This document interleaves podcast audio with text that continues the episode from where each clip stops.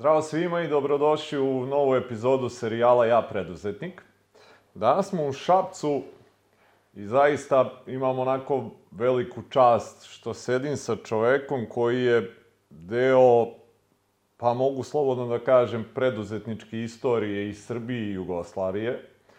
Već mnogo puta smo spominjali negde kroz serijal o tome kako je naše tržište mlado i kako zbog te neke specifične istorije koju imamo, tek negde s kraja 80-ih se javljaju ponovo neke naše prve firme. A čovek sa kojim ćemo danas razgovarati je registrovao svoju firmu pod brojem 1 u staroj Jugoslaviji i stvarno, još jednom ponavljam, velika mi je čast i zadovoljstvo što mogu da vam predstavim gospodina Radoslava Veselinovića.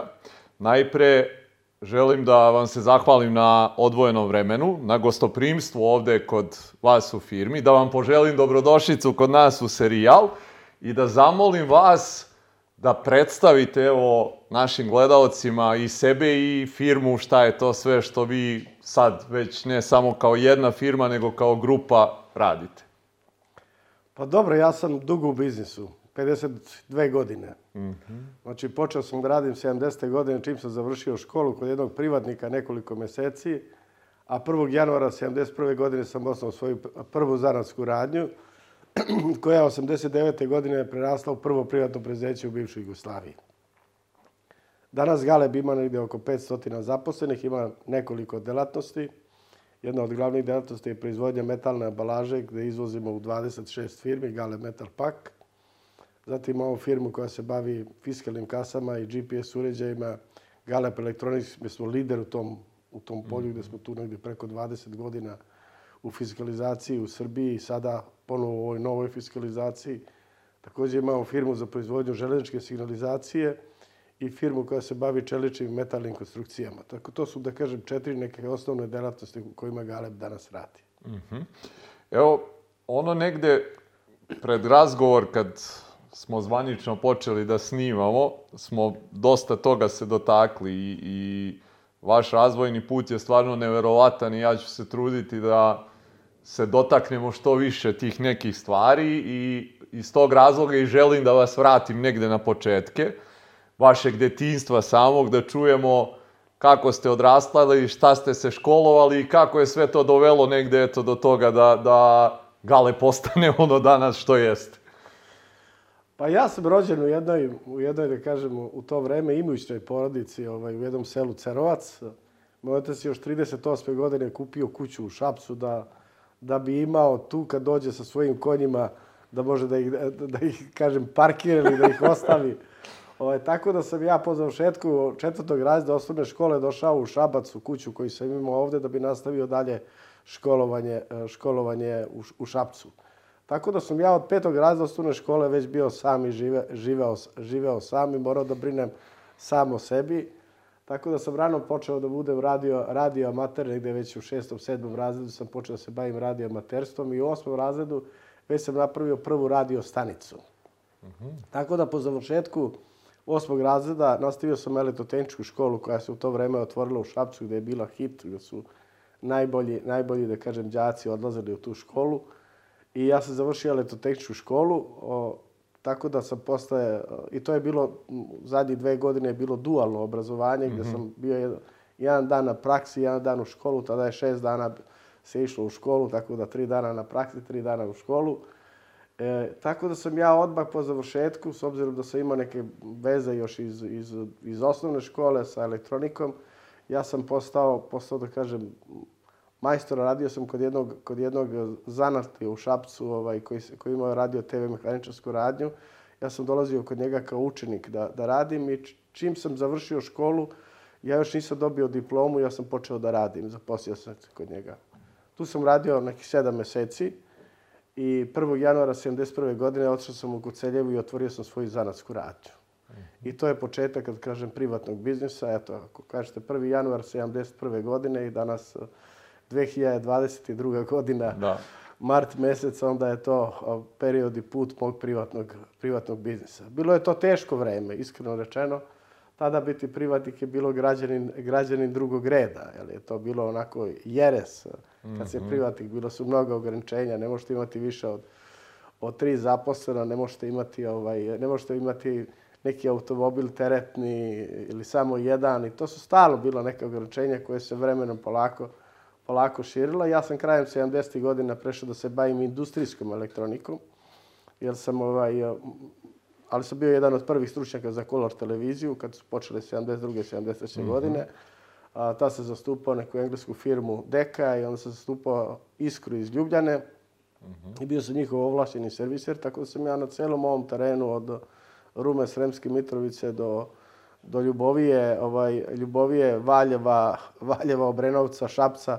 To je sve bio moj teren gdje sam tad popravljao te televizore mm -hmm. i ostalo. Onda on sam znao da popravim negde oko 10 desetak televizora, možda u toku dana, čak i više, da stignem, ovaj, da stignem na terenu i da to, mm -hmm. i da to servisiram. I kroz to sam imao kontakta u to vreme sa ljudima koji su bili, koji su bili uspešni. Su to bili lekari, direktori nekih preduzeća, neki, neki ovaj, da kažem, ovaj, i uvek kad, kad uđete u neku kuću da nešto popravite, onda sa tim ljudima razgovarate i to je na neki način oplemenjivalo i mene kao, kao jednog malog, da kažem, ovaj, radio TV mehaničara koji došao iz jednog sela gde se, gde se faktički kroz to edukovao i, i faktički ovaj, napredovao.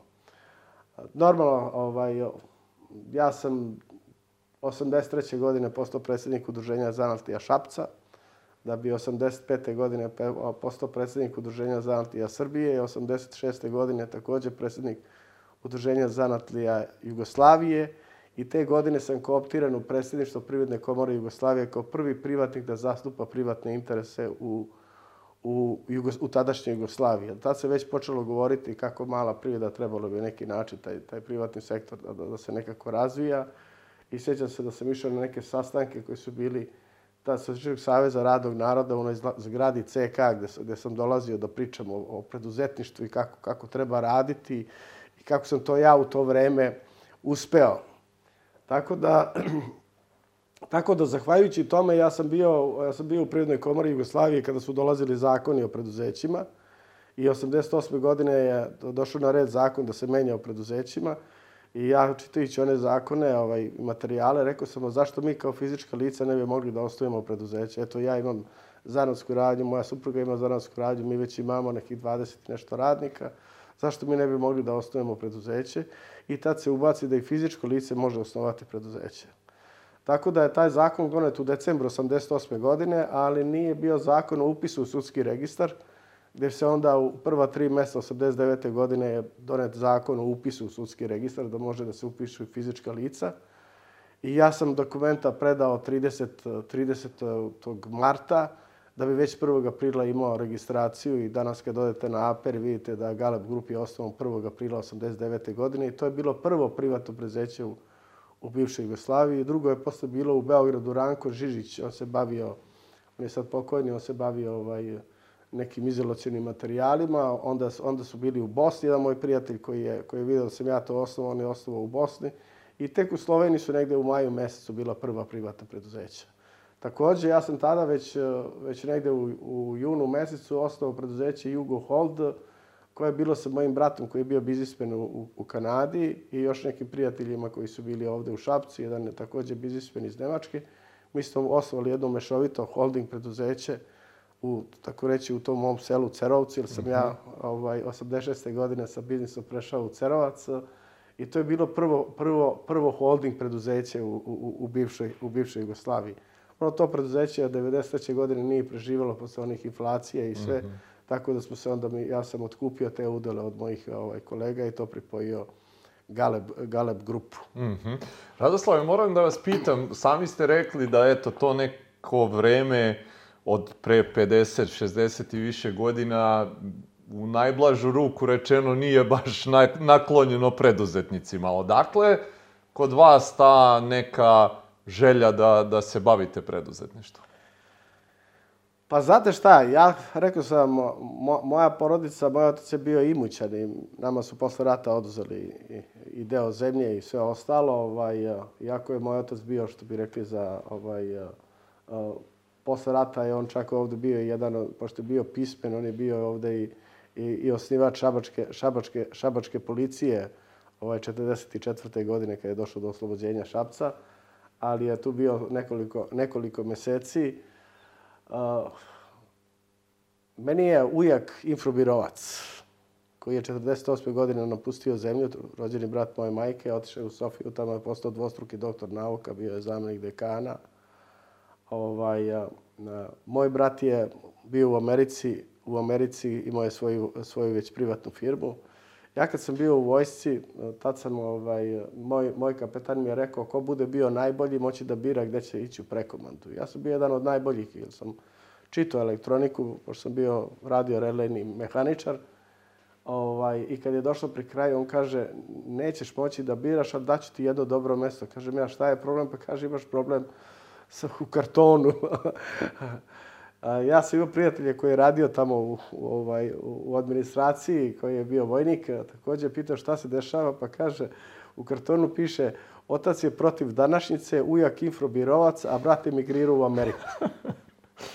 I meni je majka, meni je majka rekla kad sam, kad sam polazio u, u srednju školu da treba da se bavim nekim, nekim tako poslom i zanatom, da ja neću moći da zaposlim u Zorku, Šabac ili opštinu ili u neke državne organe, da treba da izaberem neki posao ili je to da budem mm. neki zubar ili da budem, budem neki, ne, neki zanatlija i da mi to bude neki put. Ja sam se opredelio za elektrotehniku jer sam već u osmom razredu već bio radio amater, imao sam jednog prijatelja koji se zove Dragan Petrović, koji me tako učio i ja sam s njim proveo jedno deseta godina ovaj, ovaj, pored njega i mogu da kažem da mi je on ovako jedan učitelj, učitelj u životu i danas prijatelj koji se uh, čujemo svaki sedam dana, ovaj, on je još živ ovaj, i tako da, da, se, da se čujemo i pomažemo i dan danas. Mm -hmm. I e, kad ste već od, odlučili da krenete u, u sve to 70. godina, Uh, jel taj preduzetnički život tad bio uh, dovoljno dobar da obezbedi vama ugodan život? Pa, iskreno da vam kažem, ja sam bio veliki stručnjak u to, u to doba. Znači, ja sam se trudio da ono što radim budem, budem među, među najboljima. I ja sam otvorio u jednom mestu kod Seljeva gde nije bio ni jedan TV mehaničar. Ja sam tamo otvorio radnju. Ja sam odmah počeo da imam nekog posla. Pa sam već u, mart, u aprilu mesecu kupio motociklu. Već u septembru mesecu kupio fiću. Mm -hmm. ovaj, što znači da mi je posao na neki način ovaj, išao, išao. dobro. Ali se radilo od ujutru do uveče. Tako da u mm -hmm. suštini meni ništa nije moglo da prođe da ja to nešto ne uradim. A odušio od tog kolege kog sam radio, imao sam kad sam pošao, on mi je rekao, kaže, ti ćeš uspeti, ako ti nekad bude nešto trebalo da ne možeš da popraviš, dođi, ja ću ti pomoći.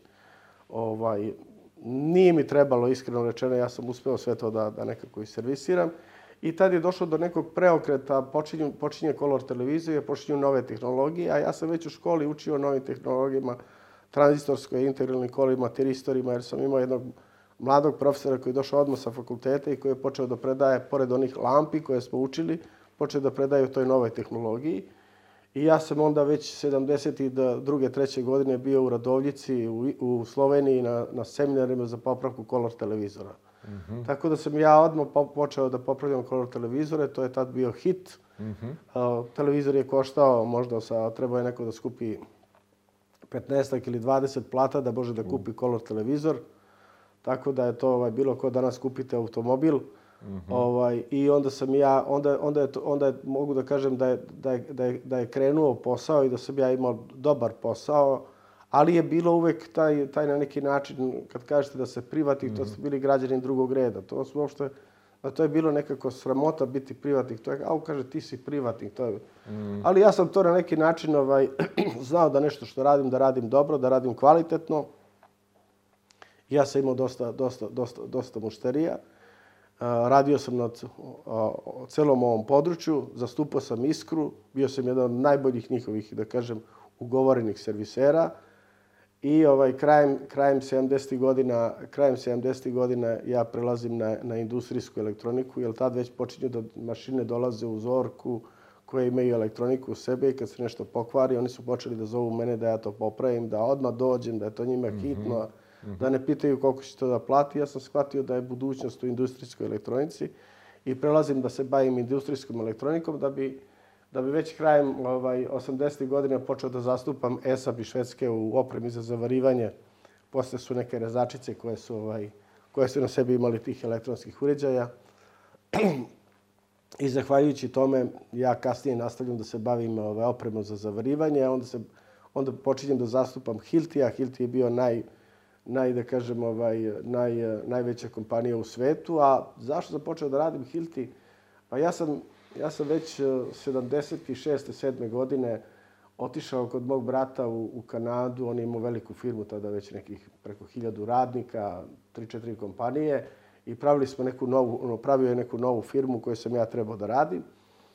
I, ovaj, i ta smo videli kako Hilti, kako Hilti dolazi na teren, donosi uređaje da probate, ako je neispravno, vam da nov, da, da nastavite da radite, pa će ja posle tri dana doneti vašu mašinu.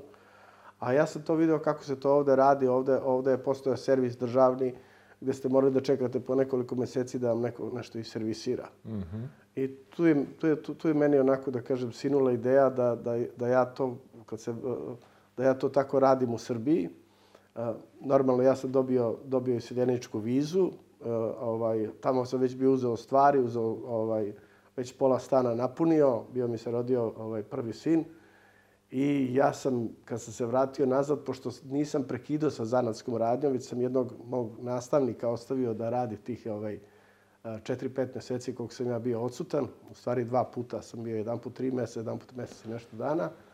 Ovaj, ja sam ipak odlučio da ne odem, jer sam sa zanatskom radnjom lepo radio. Ovaj, ja sam bio najmlađe dete, ovaj, moj otac imao četvoro dece. Ovaj, ja sam ovaj, naš četiri sina i čerka, nas petoro, u stvari iz, iz dva braka, u drugom braku, mm -hmm. ima troje. Tako da ovaj, ja sam onda ovaj, rešio da ostanem kod oca, pošto sam bio najmlađi, da, da, da ipak pomognem njima i da zajedno smo imali tu kuću koju smo gradili 70. godina u Šapcu. I ja sam se odlučio da vratim papire u kanadsku ambasadu i da, i da nastavim privatan biznis. I onda sam krenuo da, da radim po toj Hiltijevoj filozofiji, onda sam dobio Hilti da zastupam i mogu da kažem da sam mnogo sa Hiltijem i sa, i sa Esabom naučio i, i, i sarađujući sa tim poznatim svetskim firmama, um, ja sam tako i napredovao. Tako da i naš slogan firme je partner najboljima, to su bile najbolje firme u svetu. Mm -hmm. Kad se javila negde prva potreba da, da neke ljude i zaposlite, da rade za vas? Pa prva potreba je već, već 70, 75. 76. godine kada se taj biznis sa, sa tim radio, radio, radio aparatima i televizorima ovaj, proširio. Ja sam već imao 3-4 radnika jer više nisam mogao da stižem. Kolege koji su počeli kod mene da rade, onda sam to širio. Već 82. godine to bilo već negde, negde oko, oko, oko 10-12 ljudi. Da bi 89. godine to već bilo negde oko 25-30 30 ljudi, možda, možda i više. Iako su to, bio je zabrano da možete da imate najviše 10 zaposlenih, ja sam, ja sam, ja sam imao mnogo više. Znači, možda, možda 89. već da smo imali negde oko 70-80 zaposlenih. Mm -hmm. 70, 80, 89. da smo imali već oko 70-80 zaposlenih. Mm -hmm. Kako je izgledalo sad iz te perspektive e, preduzetništvo u, u, uopšte u Jugoslaviji tada na jako niskim nivoima? Nemate baš, pretpostavljam, neke kolege ovde, možda možete da pitate nešto brata van ili to, ali kako vi se borite sad da imate toliki broj ljudi i da upravljate njima? Pa znate, preduzetništvo je bilo stalo na neki način stopirano, na neki način ograničavano, na neki način ovaj, oni su to porezima pokušavali da, da, da guše na neki način. Ja sam imao takvu situaciju da sam, ovaj, da ste išli svake godine da, da ugovarate porez za sledeću godinu. Ali ja prvih možda 10 ili 15 godina mog rada, ja sam svake godine fizički udvostručavao o, o fizički obim, a finansijski tri puta sam uvećavao obrt.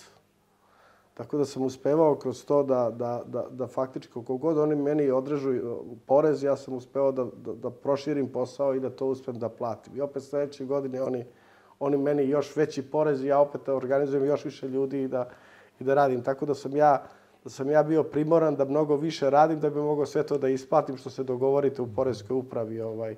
A oni su stalno pokušavali da ograniče, tu su imali jednu, da kažem, isto tako ovaj, nesrećnu epizodu, znači 83. godine, pošto mi već radili već velike poslove, ja sam već bio privatnik gde sam radio na teritoriji cele Jugoslavije, možda da kažem, osim Slovenije, znači već od, od, od brodogradilišta ovaj, Rijeka pa do ovamo popravio tu opremu za zavarivanje i sve.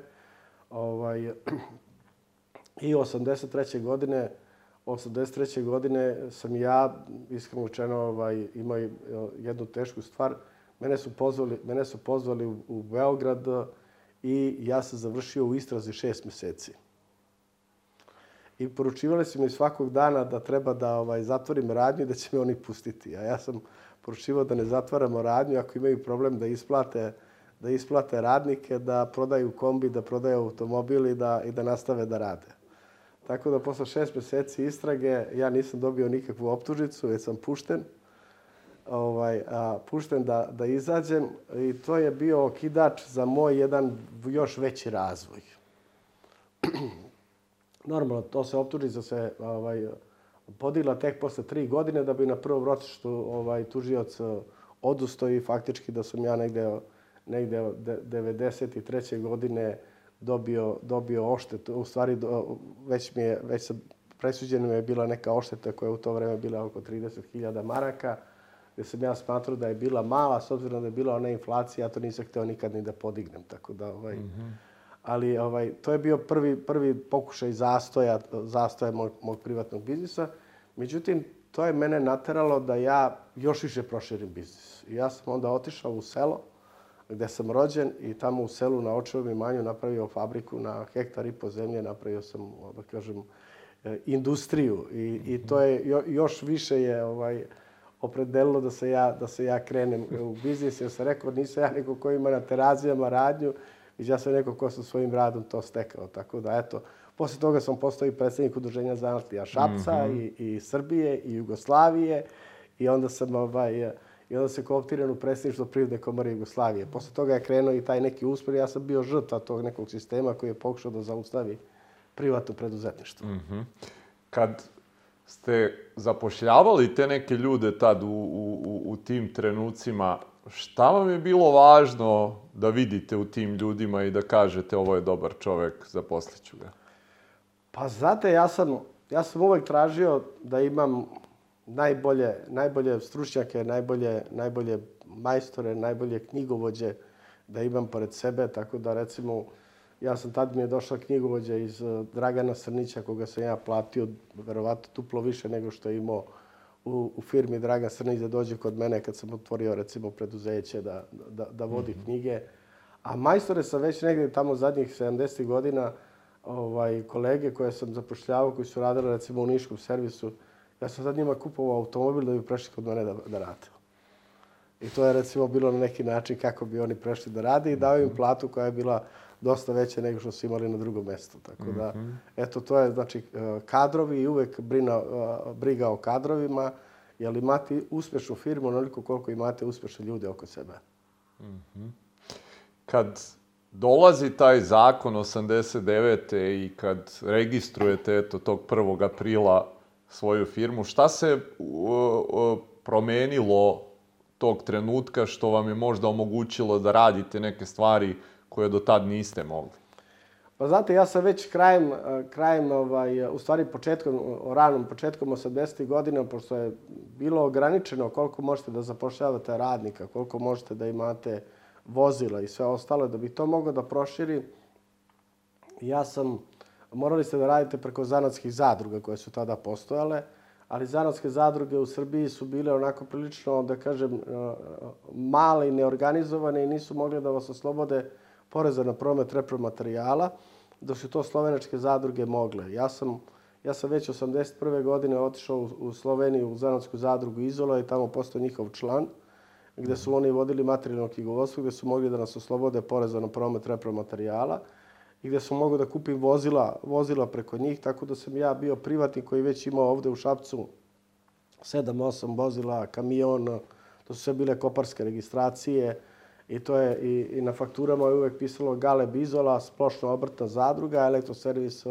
elektroservis Šabac Radoslav Veselinović. Tako da ovaj i to je to je mene onako ovaj na neki način ovaj gde sam ja daleko bio ispred svih drugih kolega u tom, u tom delu da sam, da sam tražio, tražio rešenja kako mogu, da, kako mogu da radim više i kako mogu više da zaposlim ljudi i kako mogu da imam više opreme ili, ili prevoznih sredstava da možete da, da ih pošaljete, da možete da vozite robu, da mogu oni da odu na, na servisne intervencije i sve. Ili u Srbiji to bilo ograničeno da možete da imate jedno vozilo koje je bilo maksimalno do, do, do 3 tone. Tako da ako imate jednog pick-upa, to, to je to što možda imate ništa više. Mm -hmm. I, u tom trenutku jeste vi mogli, kad je taj zakon donet, onda to da, da kažem, da objedinite sve to negde što je bilo raštrkano i da to sad zvanično bude Galebi, je li tako? Pa to je, to je, to je, to je onda krenulo da se radi, da se radi kao Galeb. Samim tim ja sam imao manji trošak, jer mi smo imali proviziju koju smo morali da plaćamo u zanatskoj zadruzi. Ja sam u tom periodu, za tih deset godina, saradio sa zanatskom zadrugom u to vreme preko milion, milion maraka dao provizije godišnje što sam radio preko zanatske zadruge. Zamislite da je to ostalo tada u, mm -hmm. u Srbiji, koliko bi, koliko bi moja, moja, da kažem, radionica ili firma bila, bila mm -hmm. bogatija. Mm -hmm. I ako gledamo sad taj negde, ajde da kažemo, prvi deo 90-ih, šta su neke značajne stvari koje su se dešavale, a koje su bile važne za razvoj Galeba? Pa ja, ja stalno kažem mladim ljudima da, da ako, se, ako žele da, da uspeju u životu, moraju da se da, bave poslom koji vole. A drugo, moraju maksimalno da daju da u tome budu među najuspešnijima. Ovaj, bez, bez ljubavi prema poslu i bez volje da budete najuspešniji i da imate meru u tome koliko ćete nešto naplatiti, kako ćete biti. Ja nikad nisam hteo da naplatim jedan posao koji sam smatrao da nije baš dovoljno dobro urađen. Kad sam popravio televizor i ako sam video da taj televizor nešto baš nije najbolje da nisam bio siguran koliko će još trajati, jer je to bilo dosta nekad i starih televizora. Ja sam rekao, evo ja sam ovo popravio, ali sledeći put kad se pokvari morate kupiti nov televizor, ovo sad ne košta ništa. Jer nisam hteo da rizikujem da se to pokvari posle 5 dana, i, a da naplatim. Tako da sam ja uvek, uvek se trudio da kad radim neki posao, da posao uradim kao probni posao i da vidi ako je neko zadovoljan, onda idemo dalje i onda ću naplatiti. -hmm. Tako, da, tako da sam ja, nikad nisam, nisam gledao biznis kroz, kroz dinar ili kroz evro, koliko ću zaraditi, već da li ću ja taj posao moći uraditi, da li ću biti uspešan. Mm -hmm. Tako da u suštini ja sam stalno uzimo neke nove projekte, neke nove poslove, uzimo što niko, ne, što niko, što niko neće, što niko ne može, što, što... Znači, stalno je za mene bio izazov da, da, da, da uradim što drugi ne mogu, da uradim najkvalitetnije i da uradim najbrže. -hmm. I, to je, I to je bio faktički tajna uspeha. Mm -hmm. Moram još da vas pitam, otkud ime Galeb? Pa Galeb je nastalo tako što je zanatska zadruga Galeb Izola, preko koje sam ja već stekao neko, neko, neko ime tih, da kažem, deseta godina pre osnivanja preduzeća, tako da sam ja odmah ovaj, 89. godine firmu nazvao Galeb Šabac, mm -hmm. a ovaj, 92. godine kad je došla ona inflacija, kad sam spajao taj Jugo Hold, onda sam onda, se, mhm. onda je to ovaj, dobilo ime Galeb, Galeb Group. Mm -hmm. Tako da u suštini to je to naziv zbog čega je to Aha, Galeb. Okay. Ja, sam, ja sam bio poznat kao Galeb zadruga iz Izole, a u pozadini je, u pozadini je bila moja, moja, moja zanatska radnja. Aha. E, kako izgleda taj period 90-ih? Mnogi mlađi verovatno se ne sećaju toga i svih tih i ratova i inflacija i svega. Kako je bilo poslovati u to vreme? Pa, tu se već osetili, da kažem, ovaj, osetili se problemi već 91. godine. Već došlo do jedne ozbiljne, ozbiljne inflacije. Ovaj, ja se sećam da smo, mi smo do 91. godine sa svim radnicima išli zajedno na letovanje. Vodili smo radnike na letovanje, vodili smo ih po celoj bivšoj dok je bila još Jugoslavija, da, da obilazimo Brione, Plitvice, ovaj, Bled i ostalo. Ovaj, I mi smo se 1991. godine vratili sa letovanja iz, iz Bugarske, pošto je tad već počeo dole rat u mhm. Crnoj Gori, pa smo otišli. I već je onako bilo teško, zato što, što su kasili ljudi u plaćanju. I ja sam tad doneo odluku da, da mora se prvo, da se mora posao koji uradimo platiti, pa tek onda preuzeti uređaj. I to je bila jedna odluka koja u tom periodu bila onako teška. Mi jedno 15-20 dana niko nam ništa nije hteo da plati, ovaj, nije hteo ni da preuzme uređaje, onda su na jedan put počeli plaćati i preuzimati uređaje. I ja sam nastavio tako da funkcionišem i da radim sve do, do, do, u, u, u toj inflaciji. Znači, faktički se inflacija je tako brzo rasla da se recimo 93. godine, tamo ovaj, krajem 93. godine, da se dva puta dnevno utvrđivo kurs. Znači, kurs je utvrđivo ovaj, u, ujutru i u, i u 11 sati se utvrđivo kurs koliki je. To su bile silne inflacije i bukvalno smo tad radili za, da li za brašno, da li za polutke mesa, da li za nešto drugo, ovaj, da, li za, da li smo za, za neku repromaterijal, neku robu. Znači, tada je već poče, počela neka, ne, neka razmena, razmena roba, jer novac mm. nije imao nikakvu vrednost. I u početku, pošto smo mi bili 10 km od Šapca u Cerovcu je bila firma, ovaj, mi kad isplatimo donosimo u kesama, pa onda su, onda, onda su to bilo po dve, tri kese, pa onda je u džakovima donošen novac da, da se isplati radnicima za platu. I onda je taj dan kad se isplaćivala plata, onda sam ja dao slobodno da bi odmah došli da kupe neki, neki, neku marku, jer je to do, do posle podne gubilo duplo vrednost. Tako da taj dan kad se isplaćivala plata, ljudi nisu radili. To su bile jedna onako, da kažem, ovaj, vrlo teška vremena. Zahvaljujući tome što ovaj, što sam vodio na neki način računa, mi smo uspeli to neko vreme da, da preživimo. Ali onda se tu došlo, došlo je tu onda do, do velikog, da kažem, raskoraka. Taj porez je bio prilično visok. E, došlo je do mnogo poplave tih nekih privatnih preduzeća koja su nastajala samo na, na, na toj, da kažem, na tom porezu i na tim drugim stvarima izdavali te, tad se izdate papir da, da ste oslobođeni poreza i, i I mislim, bio je to period jednako teške, teške tranzicije i, i raspadom Jugoslavije. Nastalo je dosta preduzeća. Ja, recimo, kad se raspala Jugoslavija, ja sam dugovo negde oko 400, 400 hiljada maraka Iskri i 300 hiljada maraka sa dugovo Uljaniku iz Pule. Ja sam sve to 92. i 93. godine što robom koja je išla preko Sarajeva ili još mogla da ide robo isplatio, kupovao sam ovde bakarnu žicu pa sam njima isporučivao, što u tom vreme čak, čak i deo, deo, novca, deo novca u kešu sam ovaj, faktički preko Mađarske ih isplatio.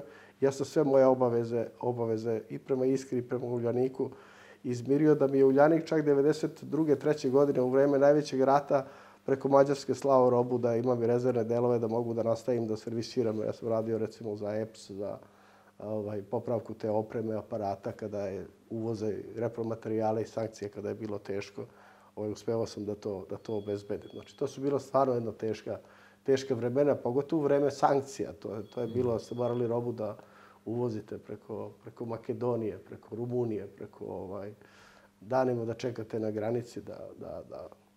Ali, iskreno rečeno, tad sam ja bio u, uprav, u upravnom odboru Privredne komore Srbije, I tad, su, tad, je, tad je doneta odluka i, ovaj, i strane političara koji su došli da nađemo načina da radimo i da uopšte nije tema samo da se ne zaustavi privreda, samo da se da se da nestane. Znači, uvozite robu, radite sve što god treba. Ako treba da iznesete novac, dobit ćete potvrdu od Narodne banke da možete da iznesete novac, da platite robu, nađite načina kako ćete da uvezete, čak su postali neki kanali ovaj, koji su tad bili odobreni da, da, da ovaj, preko koga možete i uvesti neku robu gde, gde je neki način privredna komora u saradnji sa drugim. Tu su nam dosta, moram da kažem, italijani pomogli. Jedini italijani su bili malo, da kažem, ovaj, liberalni da, da su dozvoljavali da se kupuje roba preko Italije i da, i da dolazi u Srbiju. Mm -hmm. Tako da kad sam ja ovaj, 2000. godine postao predsednik privredne komore, ja sam prvo što smo uradili, mi smo krenuli sa italijanima da sarađujemo kad se otvorilo mm -hmm. tržište. Mm -hmm. 90. su bile, eto, ukratko ste samo naveli koliko izazovne i teške i kakve sve nedaće su postojale. Jel, kad se osvrnete na 90. taj period celokupan, ta decenija bila puko preživljavanje ili je Galeb ipak uspeo da, da se razvije u nekom smislu? Pa mi smo se razvijali u smislu što smo bili malo, uvek smo se bavili nekom, nekom novom organizacijom, nekim, nekim, nekim novim stvarima i sve. Ovaj. Mi smo, ja, sam imao neke prijatelje koji su u to vreme imali zanatske, zanatske radnje i kad je krenula to raspad Jugoslavije, kad su krenule sankcije, oni su rekli, ne, sad ćemo da zatvorimo, pa ćemo mi to da otvorimo kad prođu sankcije i nikad se više nisu podigli. Mm ovaj, znači, postoji nekad period u biznisu kada treba da ostanete u poslu. Znači, ti, znači, biznis ide nekako ciklično. Znači, svaka neka sedma godina vam je ekstra dobra, pa onda, onda, onda se malo uspavate, pa onda kad dođe malo slabije, onda mora da se više angažujete i da opet uh, imate neke, neke iskorake. Znači, nije biznis nešto što može da bude konstantno da ide, da, da, da, da dobro je ako je konstantno ide uzbrdo, ali uvek ima neke pikove. Tako da ovaj, nema biznisa koji može da bude ravan, Znači, onaj ko je ravan, jednog dana će, jednog dana će da pade. Znači, uvek se mora, mora razmišljati kako ga razvijati, kako ići u nove neke tehnologije, u neke nove programe, ovaj, da, da bi pratili, da bi pratili savremeno, savremeno, savremeno kretanje. Znači, u protivnom ste u problemu. Znači, uvek nova oprema, nova mašina, nova edukacija i, iskreno rečeno, mi smo od prvog dana u saradnji i sa, i sa ovaj, ESAB-om i sa Hiltijom imali mnogo edukacija. I mi smo radili na tim edukacijama i do 91. i posle, posle toga, ako vam kažem da sam ja dobio prvi vizu 96. godine, u, u novembru mesecu sam dobio vizu, ja sam ukinuto je, sankcije su ukinute negde krajem novembra, da li 22. novembra 96. godine. Ja sam već uh, u, u 10. decembra već imao vizu i Nemačku, i Švajcarsku, i, i Švedsku, i ja sam već posjetio sve moje partnere. Sjećam se dobro da je tad bio 16. decembar, da sam bio u, u, u Švedskoj, a, pošto mi je bio rođendan mm -hmm. 96. godine, i već obnovio ugovore za zastupstvo i Esaba i Hiltija i sve ostalo. Jer za vreme sankcija oni su, oni su bili stopirali, ali su nam italijani, onda sam ja dosta dosta italijanskih firmi dobio da zastupam tih godina za vreme sankcija. Ovaj, mnogo sam radio sa italijanskim firmama i oni su me faktički pomogli i održale taj period između 90. da kažem druge godine i 96. godine.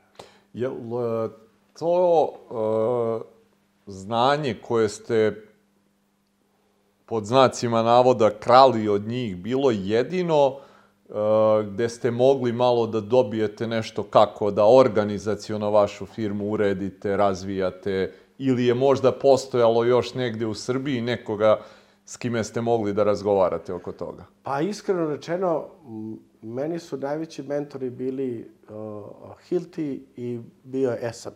Mm -hmm. To su bile najveće multinacionalne kompanije, jedna u oblasti zavarivanja, Hilti u oblasti tih alata.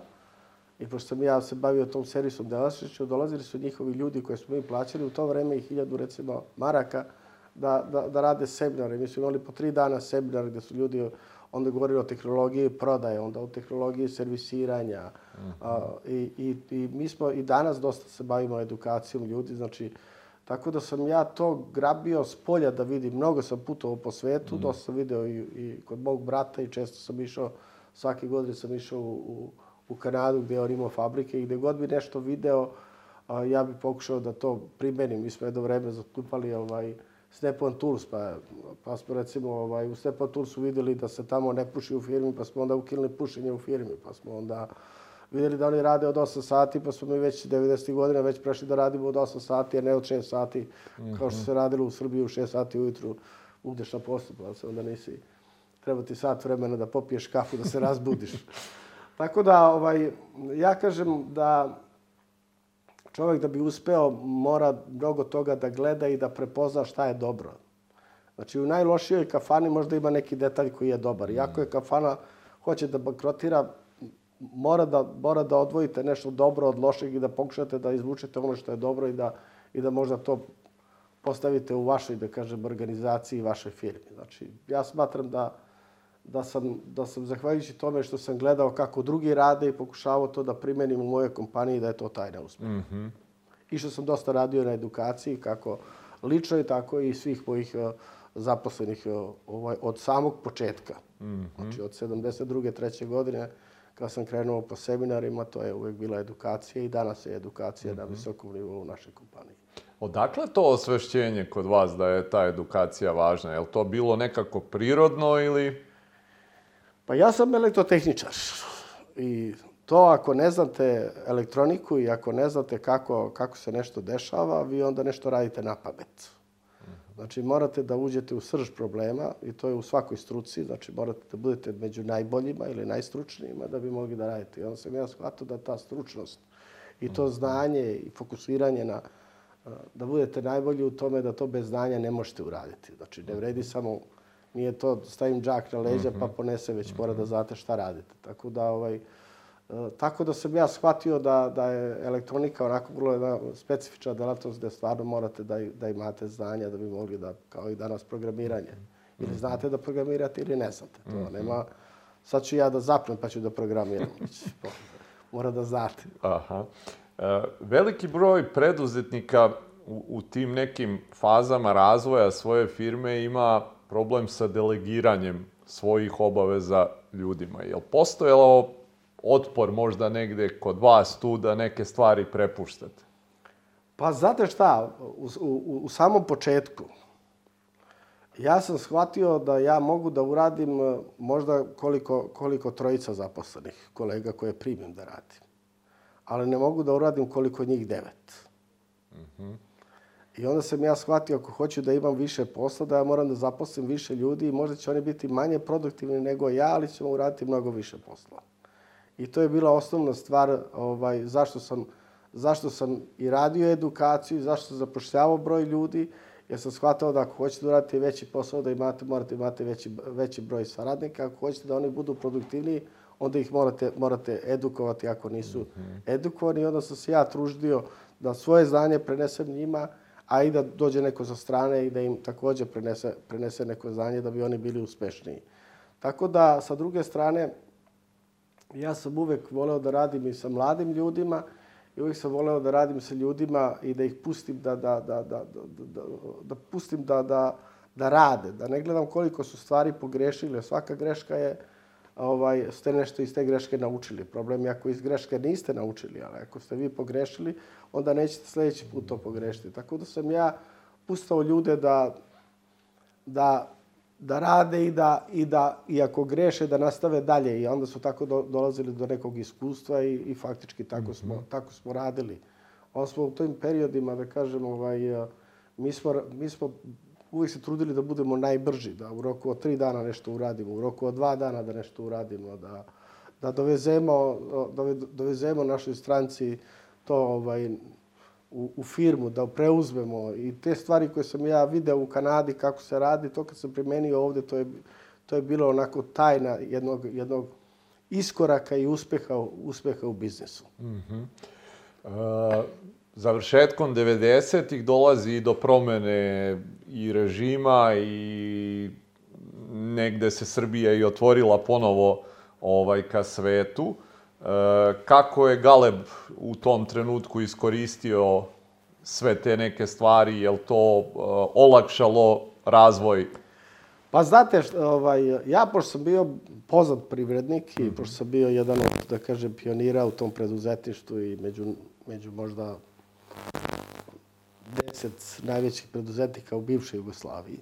Mm -hmm Ovaj, mene su tad već počeli da kontaktiraju, da kontaktiraju ljudi koji su počeli da, da, da prave neke političke stranke i ostalo. I ja sam mhm. već 89. godine ovaj, su me pozvali iz demokratske stranke. Ja nisam bio nikad član Saveza komunista, da budem njihov, da sam privrednik, da sam ovamo, tako da... I ja sam već na prvim izborima 90. godine bio kandidat za predsjednika opštine u Šapcu. 92. godine, s obzirom posle neke sednice koja je bila zajednička ovaj, ovaj, u demokratskoj stranci, ja sam zajedno sa Vojstvom Koštunicom otišao u demokratsku stranku Srbije i faktički tu sam bio sve do, do 2000. godine. Ovaj, bio, sam jedno, bio sam 93. godine narodni poslanik u želji da neke stvari promenim. Mm -hmm. Bio sam i narodni poslanik i 2000. godine. Ovaj, I 2000. godine sam posle tih promena i da kažem promjena, ovaj, postao sam predsjednik Privredne komore Srbije i to tako što me predsjednik Privredne komore pozvao, jer ja sam bio jedini koji sam bio opozicionar, a da sam bio u upravnom odboru Privredne komore Srbije.